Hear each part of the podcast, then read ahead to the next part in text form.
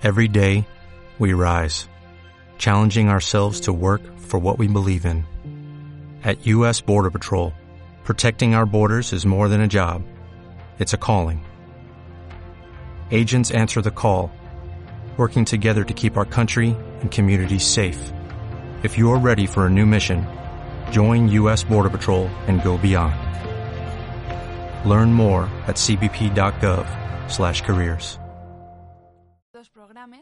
Eric i la seva secció Endinsa't en la pantalla. Bon dia, Eric. Bon dia, Sara. Bon dia, radioients. Després d'aquestes vacances de Nadal i les ausències dels darrers programes, ja estic de nou per a contar-vos totes les novetats sobre el món del cinema i de la televisió. Així que comencem.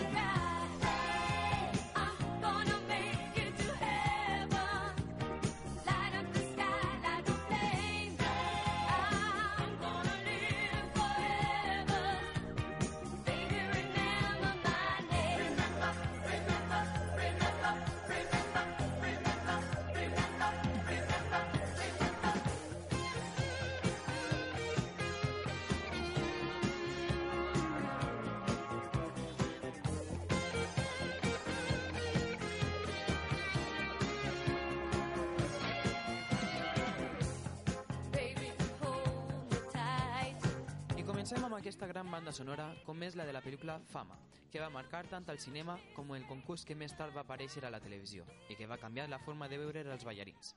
I tornem de nou a la secció fent un repàs de la cartelera dels multicines L'Altet, el cinema del nostre poble.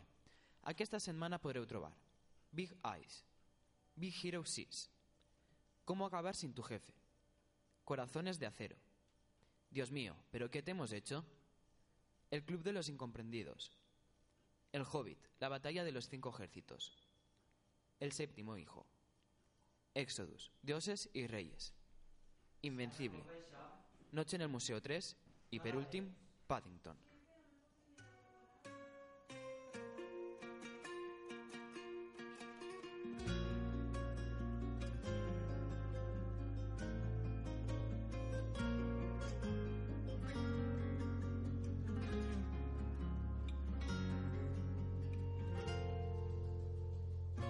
Del sentimiento vivo de dos corazones que se atreven a amarse.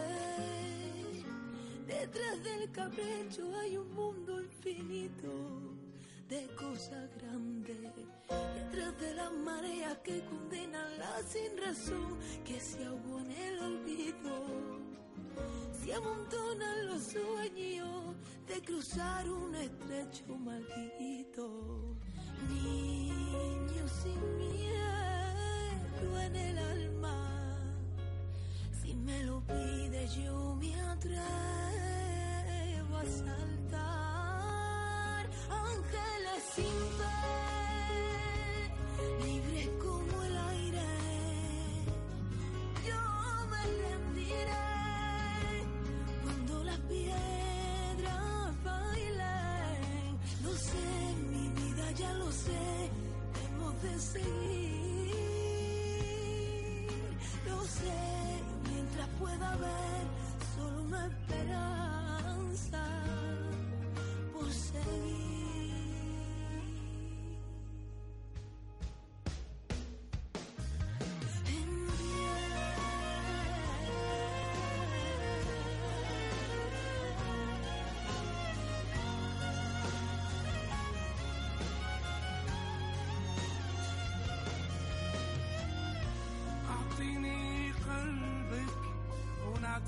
Ti que tieni, a ti mi ayuda, a ti que me Niño sin miedo en el alma. I amb motiu de la 29a edició dels Premis de l'Acadèmia del Cine Espanyol, coneguts com els Goya, durant les pròximes programes vaig a presentar-vos les pel·lícules que tenen més nominacions. En el dia d'avui toca parlar de l'exitosa pel·lícula El Niño. El Niño trata la història de dos jovens que volen iniciar-se en el món del narcotràfic en l'estret de Gibraltar. Perills, emocions i molts diners en joc per a que siguin aptes de recórrer aquesta distància en un vaixell ple de hachís. Jesús i Eva, agents de la policia antidroga, valen acabar amb aquest joc en una de les principals vies d'exportació de droga a Europa. Els diferents actes, violències i agressions els diuen que van en bon camí per posar fi a les operacions que estan duent a terme. Vos deixem el tràiler de la pel·lícula del Niño, que també el podreu trobar al nostre Twitter, arroba caixodesastre rc. Gaudiu-lo.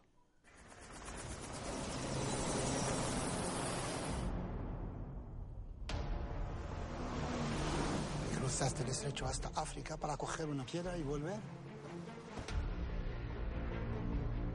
¿Qué pasa? ¿Qué era tu vida?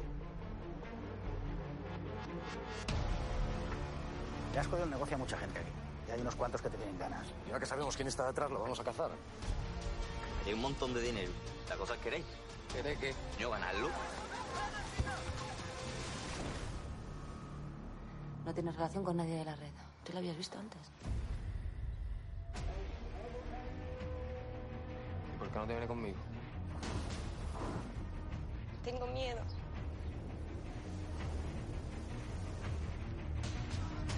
Guapo, tío, qué guapo, tío.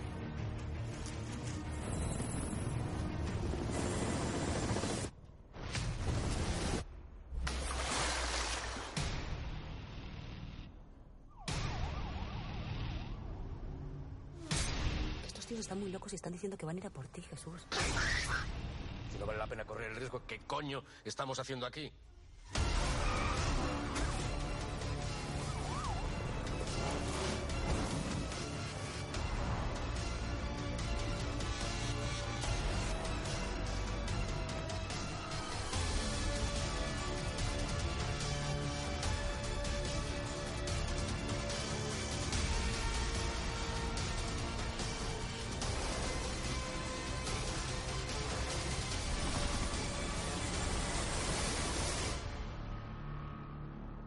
Aquesta pel·lícula encontrareu fortes emocions, un exemple de com treballa la policia espanyola i unes grans escenes d'acció que han fet d'aquesta pel·lícula una de les millors d'aquest any. Pel que fa als Goya, El Niño ha rebut 16 nominacions, en les que destaquen les nominacions a millor pel·lícula, millor actor i actriu, millor direcció i millors efectes especials. Espero que gaudiu molt amb aquesta pel·lícula. I amb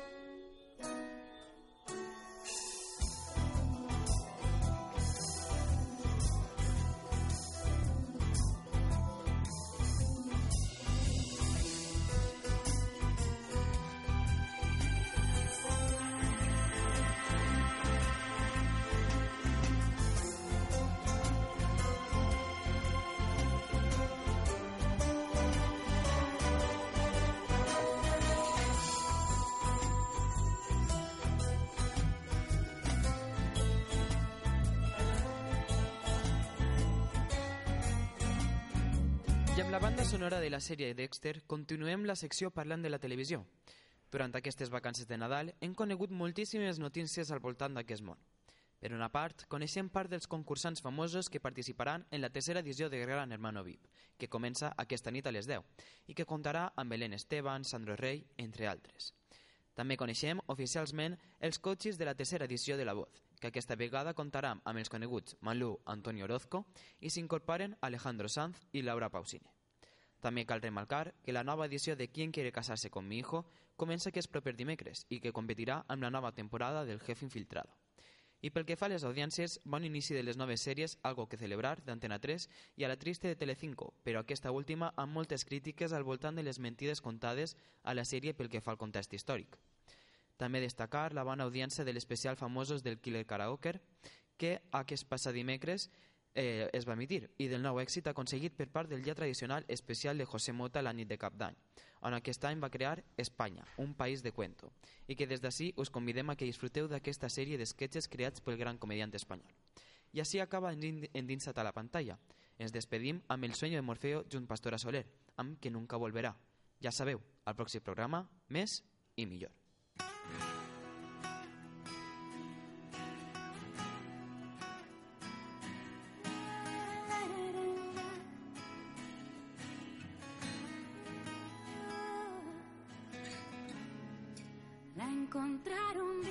Después con las manos blancas de pintar.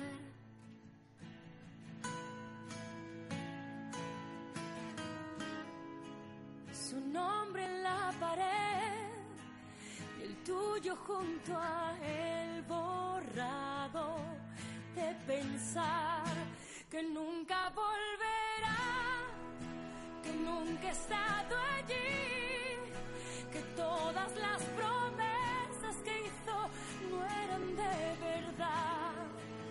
que nunca volverá, que nunca ha estado allí, que todas las promesas que hizo no eran de verdad. Y al verte quiso gritar y no pudo más que susurrar.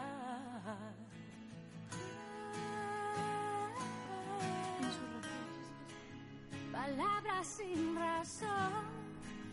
Rompió su corazón, lamentando pensar que nunca volverá, que nunca ha estado allí que todas las promesas que hizo no eran de verdad, que nunca volverá, que nunca ha estado allí, que todas las promesas que hizo no eran de verdad. Adiós,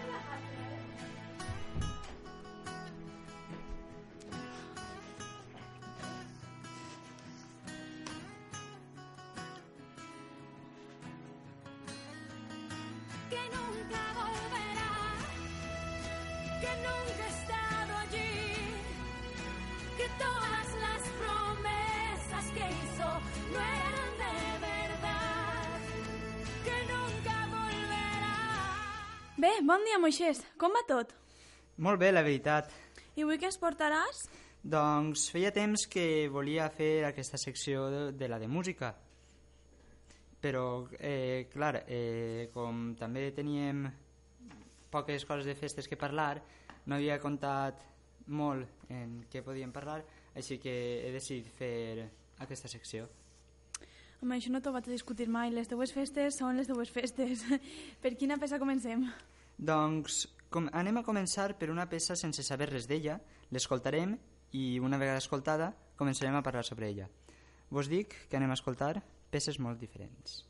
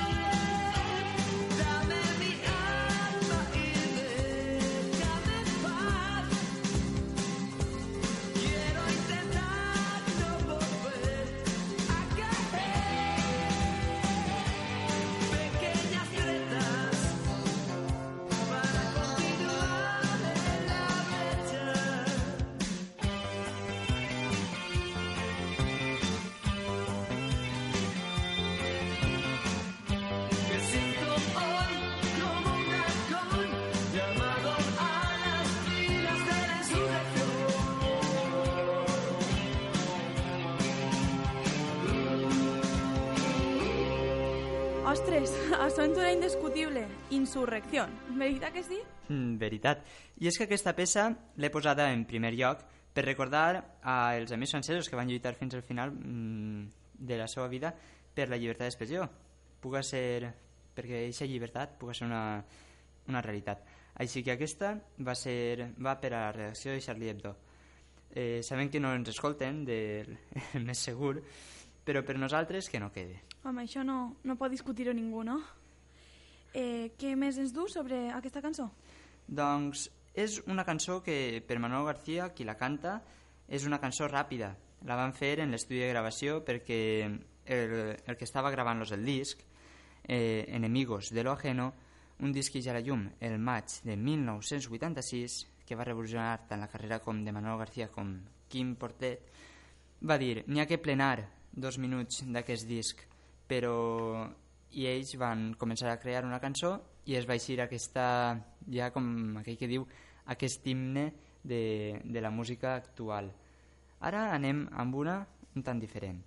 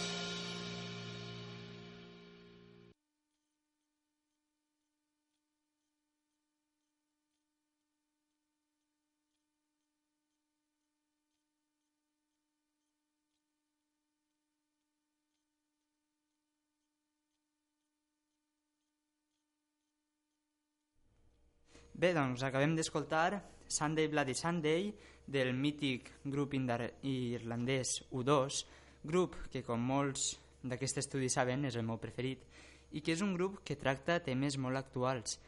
Fins i tot Bono, el seu cantant, va ser nominat al Premi Nobel per predicar, per predicar la pau a través, sí? de, a través de la seva música. No, no ho sabia. Co- Contes més sobre este grup? Doncs U2 és un grup que naix l'octubre de 1976, és a dir, que té uns quants anyets ja, està format per quatre músics, eh, Bono, el cantant, que sempre va amb ulleres, Dietz, el guitarrista i de vegades toca el teclat, el baixista Adam Clayton i el bateria Larry Mullen.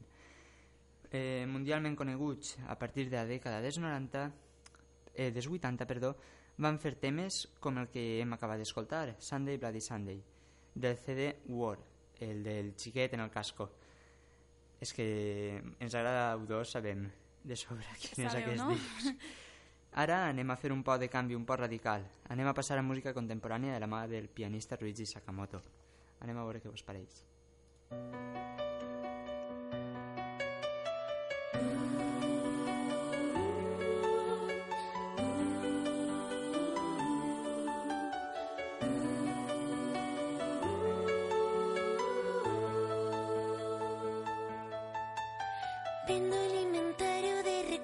de la historia más bonita que la vida escuché.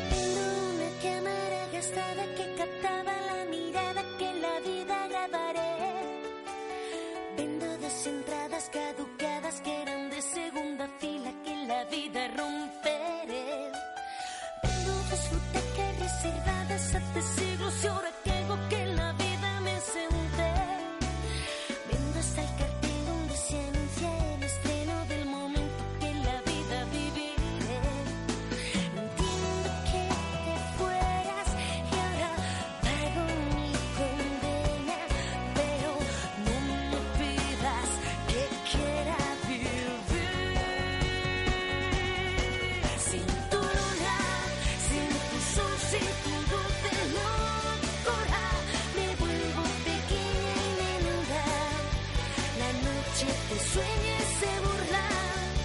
Te intento abrazar sin tu luna, sin tu sol, sin tu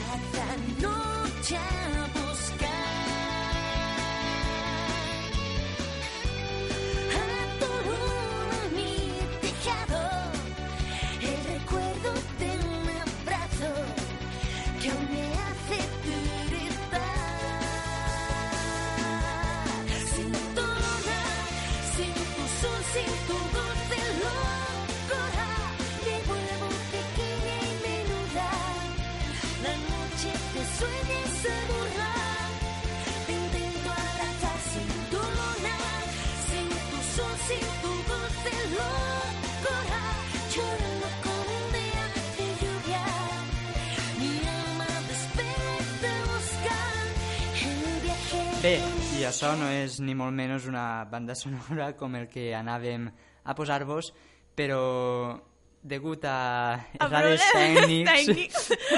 ja, ja no tècnics, avui és que fu, avui ha sigut fatal.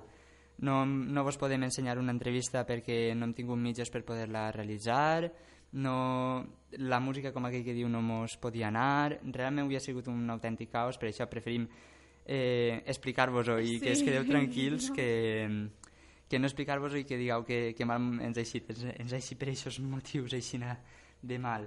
Però bé, continuem en aquesta cançó. Eh, en teoria tenien que posar una de Ryuichi Sakamoto, però vos hem posat a l'oreja de Van Gogh, grup que més li agrada a Sara i que ella més ens podrà dir sobre ell. Sí, bueno, eh, és una de les meves cançons favorites, anomenada Dulce Locura, i no pot ser que aquest programa, que avui està més o menys dedicat a la música, no pose, en podem posar alguna cançó que a mi no m'agrada, no? Exacte, i és per això que aquesta cançó de l'oreja de Van Gogh, que forma part del seu àlbum Guapa, publicat el 2006, eh, no estiga. I també vull dir una cosa ben curiosa d'aquesta cançó, és que per promocionar a Espanya el videojoc Los Sims 2 Mascotes, van gravar en idioma Slimsish, que és el seu idioma, l'idioma de Sims, Slimlish, Dulce Locura, i fins i tot van realitzar un videoclip en el qual apareixen els components del grup transformats en Sims, mentre que s'intercala amb imatges d'Amaya, la cantant del grup, en l'estudi gravant la cançó, i Xavi, el compositor, mentre fa la mescla.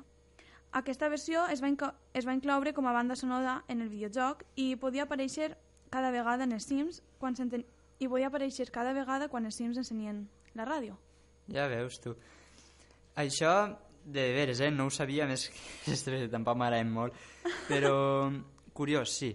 Doncs al maig del 2007 es va editar a Itali, Italia Maca i incloïa una versió en, en italià d'aquesta cançó titulada Dolce Folia i va ser traduïda per Eros Ramazzotti, el famós cantant italià. La veritat és que jo mai haguera dit que aquesta cançó mm, portaria tantes repercussions, la veritat. Nunca te acostaràs sin saber una cosa más, no? O això, diuen. Això diuen. Bé, Bé. ara continuem amb Rain, no? Amb esta que volíem posar-vos Sí. abans.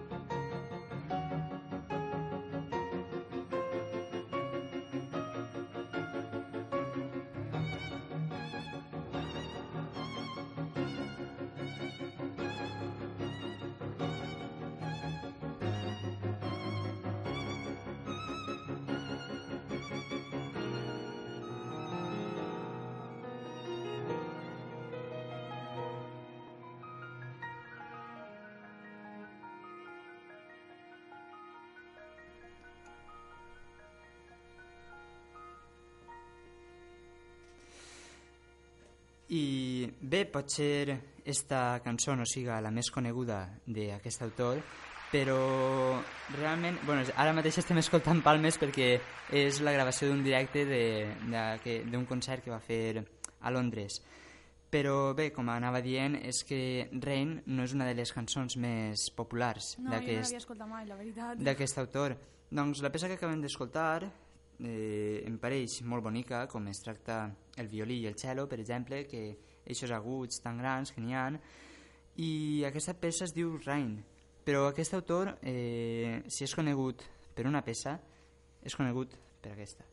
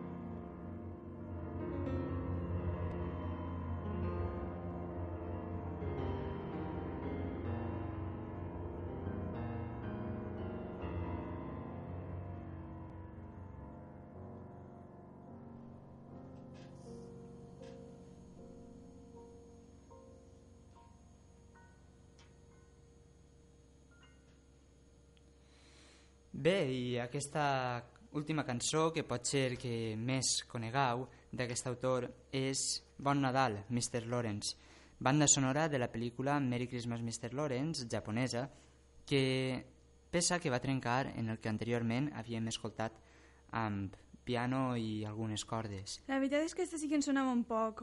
Eh, és innovadora perquè, segons he pogut veure, és una peça que es va crear en l'any 1983 i és molt moderna, entre cometes per, per a l'època. Sí, la veritat és que trenca molt perquè este au- autor, este compositor, en la pel·lícula no gasta esta peça que és en piano de cola clàssic, sinó que gasta una sèrie de sintetitzadors per el qual pareix més forta. La pel·lícula és una pel·lícula de, eh, que trata la, un dilema entre l'homosexualitat en un règim dictatorial com era el japonès.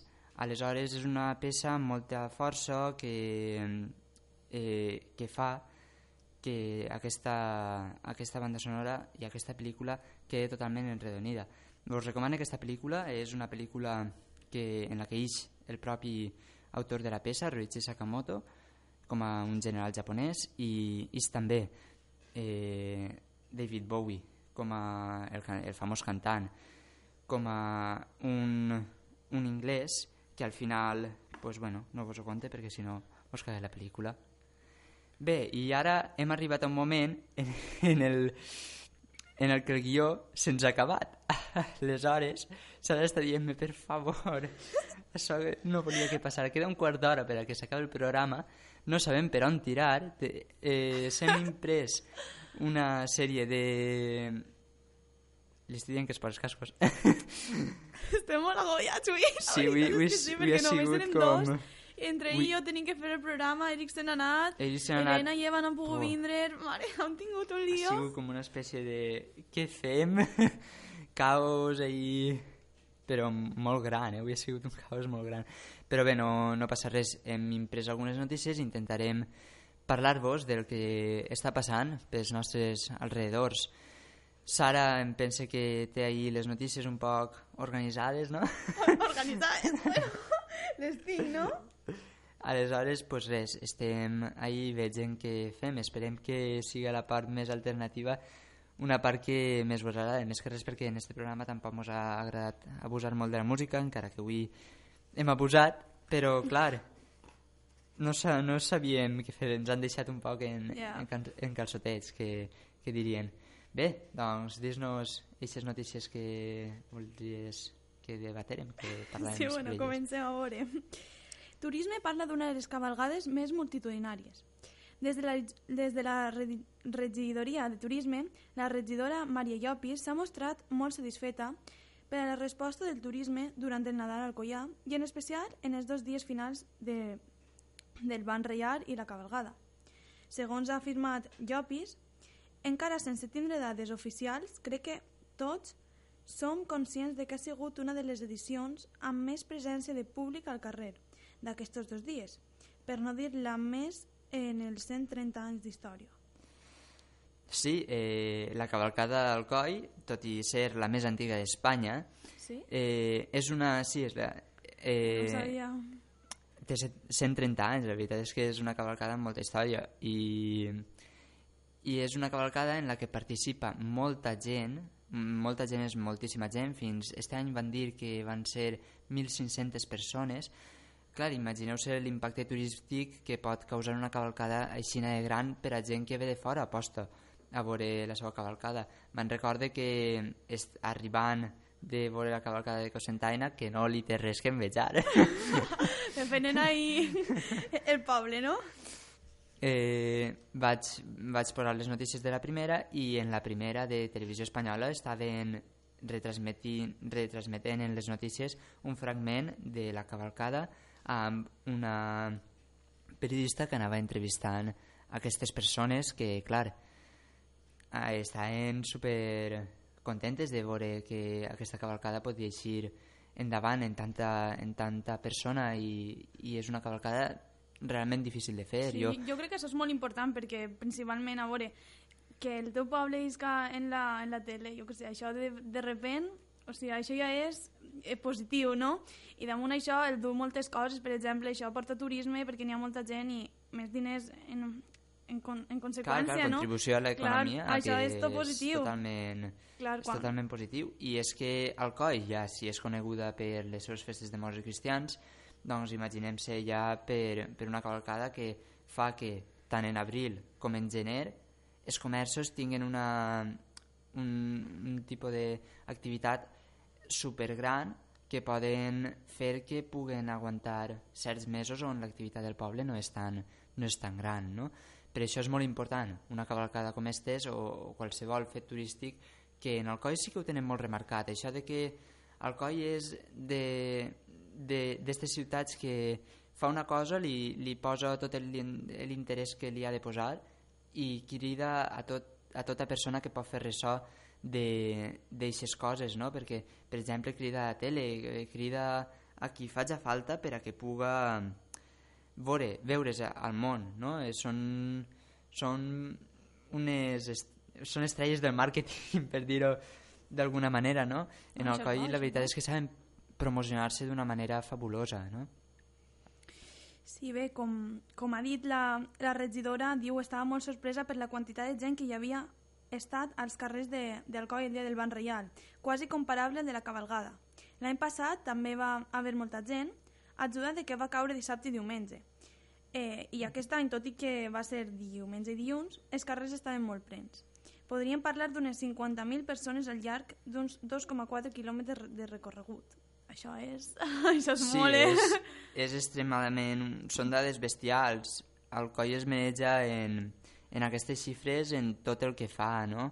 Realment el que, el que ens proposa és que anem a veure una cavalcada que és única, una cavalcada que sols es fa allí, que és totalment diferent de qualsevol cavalcada per, perquè el rei Baltasar va enmig. Ja, això m'ho van contar. L'altre dia estava en uns amics del Sí. sí. coll i em van dir tu, el rei Baltasar, on va? I jo, eh, És al l'últim final- sempre.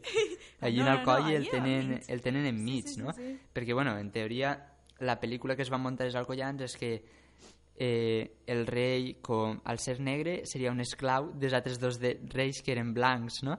Aleshores el deixen enmig perquè no s'escape. Realment, no sé si això s'ha de veure, però jo ho he arribat a, a escoltar per ahir. Home, és un foc. sí, sí. Però bueno, pensa que va ser creada fa 130 anys, no? I que la mentalitat de- d'ara no era la mateixa que la d'entonces. Aleshores es va crear una cavalcada que jo m'imagine fa 130 anys com seria, no? Seria molt, molt més menuda, evidentment.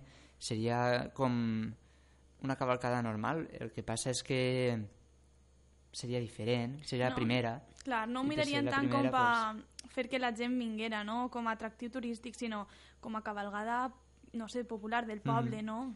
I si així, per exemple, en les festes ja estem any an, un any antes del càrrec i estem preparant-se, Sí. tu imagina't tots els anys fer una cavalcada que no deixi indiferent a totes les persones que van a veure-ho, doncs la veritat jo crec que costarà per almenys sis mesos de preparació. Eh, mig any antes ja estaran pensant ells en, en Nadal, no? Perquè, clar, és una cosa eh, que, va, que va en creixement i que cada vegada es fa més famosa, més que res per aquest fet que diem de, del màrqueting que té el coll, no? Sí, Aleshores, Ara també volia dir alguna coseta sobre, sobre el Tirisiti, no? Que també és Sí. algo que, no sé, altra Únic. quantitat molt delta... sí, altra quantitat molt destacable són les 27.000 persones, 27.000, ojo, que van acudir a les representacions del Belén del Tirisiti, al teatre principal, amb contínues cues fins a la porta de l'Ajuntament quasi tots els dies. realment eh, hem de dir que aquestes notícies estan estretes de pàgina 66, que no són nostres, eh? perquè, Mhm. clar, conforme anàvem ha sigut... Mentre posàvem la música buscàvem les notícies, per això que pillem prestades, s'ha de dir, la font d'informació que ja estem. Sempre. No sigui que, que Sí, sí. ens vegin malament. Així que dir que el Tirisiti és una, és una obra també única, és que en el coll es fan coses úniques, la, la veritat. En Cosentena també, eh? En Cosentanya també, home, és evident, és evident. I, com diríem molts, es guanyem.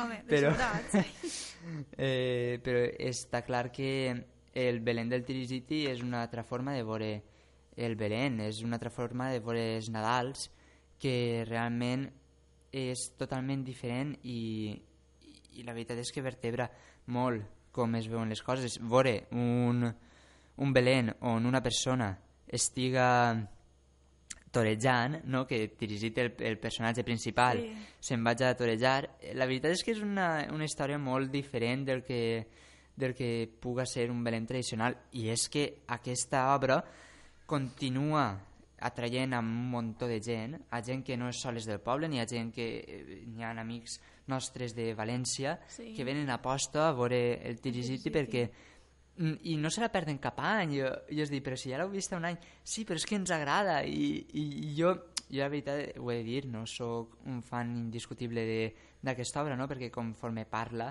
jo la veritat és que la vaig veure fa, fa un temps però conforme parla i veu de pito a mi em posa un poc dels nervis no? però sí que la veritat veig que és una, és una arma potent per a fer que, que l'economia creixca i que s'han de fer molt, moltes coses molt paregudes i hem de prendre exemple d'aquesta ciutat, la veritat, perquè ens farà fer que, que nosaltres siguem un poc més diferents que la resta de per si, molt orgullosos de que tinguem un poble al costat que faig el que fa, no? Ah, és que el poble del costat. és el poble del costat, home. bueno, i això significa que tu no has anat a estar al Tirisiti. No este any no he anat al. Tirisiti. I jo sé, jo compli, jo he anat ahir tots els anys amb el Tirisiti. Mhm. Bueno, canviem de, de notícia, no? De, mare Anem- Déu, és que sí. avui anem un poc així. no? Anem amb un xic que s'anomena Pablo Inoue, d'Alcoi, que està enamorat de la, de la guitarra elèctrica. Amb només 18 anys, eh, aquest xaval té molt clar del que, del que vol viure i, aquell que, i aquella cosa que és el que més li agrada, la música. Però sap que per, per aplicar a aquest lloc té que aprendre, millorar i, i avançar. Pablo es va introduir en el món de la música de la mà de Hiroshi Fuji en tan sols 9 anys. La dolçaina va ser el seu primer, primer instrument, però després va tocar el clarinet i un dia el seu germà va arribar a casa amb una guitarra elèctrica i no li va fer molta, molta gràcia, però després la seva àvia li va dir la més rockera de la família, jo. I aleshores ell va dir, si tu ets la més rockera, jo també. I ell pues, va dir, pues... Es va posar jo a tocar la guitarra. Exacte. I entre sa abuela i, i ell pues, van, van començar a, a tocar i mira, pues, ara s'ha fet un, L'abuela un crack, rockera no? i el... I el net. Sí, jo eh, és d'Alcoi, no? I està molt bé que la gent, no sé què, diguen músic, músic no tens futur. No, en realitat. No, realment la música futur, és clar. una, una eixida com qualsevol altra, no? És, és de veres que la música costa, de la música costa viure, no? Clar. Viure de la música és una cosa com viure de l'art, no? És quasi, quasi impossible. Però clar, eh, tenint un mestre com el que té, Hiroshi Fuji, és una persona que és molt potent en, en allò musical, se'n va vindre al coll a ensenyar-se guitarra i va acabar tocant la dolçaina i ara mateixa serà un dolçainer de, de renom dels que més dels que més renom té per ací, eh? No, i, i sense cap broma el, te'l veus allí en la dolçaineta eh? la veritat és que és molt curiós no? veure gent que no és del teu país tocar l'instrument autòcton és molt és molt eh, és japonès, ell és japonès i, i és interessant veure com altra gent que no es pareix gens a tu toca els instruments que són autòctons d'ací i, es to i es toquen molt bé, no? I ha sigut mestre d'una gran quantitat de músics que ara mateix estan en conservatoris i sent de colles molt nomen nomenades. Sí, és com veure un, dius, un japonès tocant la dolçaina. Tu te'l veus i dius, no sé, no, no ho veig molt bé, no? Però després tu veus i dius, que bé toca, no? I el dones compte de que en realitat no té res que veure com toques, en d'on vens i, no sé, saps que... Clar, és que és com una espècie de gent de fora, és com si a un basco li duguérem a un valencià tocant la xalaparta. Pues, la veritat és que no... No sé, és totalment diferent, o... però clar, és totalment compatible. Eh, les cultures s'han d'aprendre totes i són bones totes des del punt de vista que les mires. I és de veres que pot xocar un poc, no? que a lo millor per diferències d'edats una abuela no puga tocar rock, pues, si l'abuela li encanta el rock, eh, jo la comprem perquè a mi m'agrada molt, és evident que si el net vol tocar també rock, pues, si es posen els dos a, a fer rock, jo m'ho imagino ahí Bé, no? Te ho imagines bé. l'abuela i el net, no? Clar, també ell diu que vol estudiar jazz en una escola de nivell pues, reconeguda, no? I col·laborar en la cantautora alcoiana Ana Valor. Realitzar concerts i gravar un disc en solitari amb cançons pròpies de diversos estils i, a més, Pablo eh, continua pujant vídeos a la red perquè la gent conega del, del que és capaç. On es poden veure aquests vídeos? O tens per ahí, no? No sé, en YouTube suposo, xiqui, no ho sé. és que clar, estem traient sí, la eh, informació, si, clar. si el podem veure per ahí, el busquem en un moment i, i de segur que el podrem sentir. La veritat és que també tot este tema de les redes socials, per a la gent així que s'ha volgut fer, entre cometes, famosa, no? En el tema de la música, la veritat és que ha servit molt. Sense Facebook, la veritat, no tindríem a, a Justin Bieber, que tampoc és que és una persona que m'agrada molt, però realment sí que és una persona que va eixir gràcies a, al YouTube, no? I és la manera de molta gent d'eixir a la llum.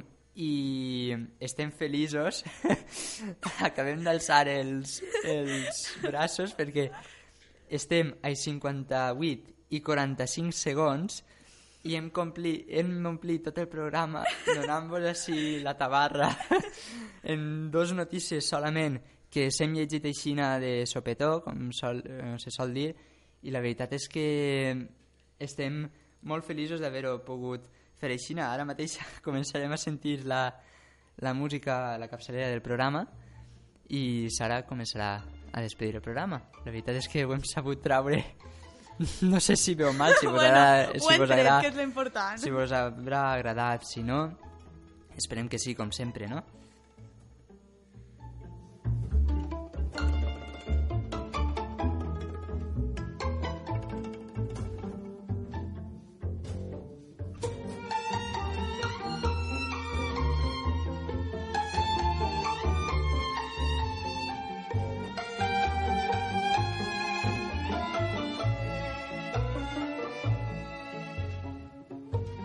Val, en primer lloc, eh, donar, o sigui, demanar-vos disculpes, que ens perdoneu per tot com ha eixit aquest programa, que no eixit massa bé, però esperem que, o, o no sé, o recanegueu, o no sé, ens ajudeu un poc perquè som joves i estem, estem començant, no? però bé, eh, la setmana que ve, no, la següent, bueno, més i millor, com diu Eric, no? Una setmana i tornem.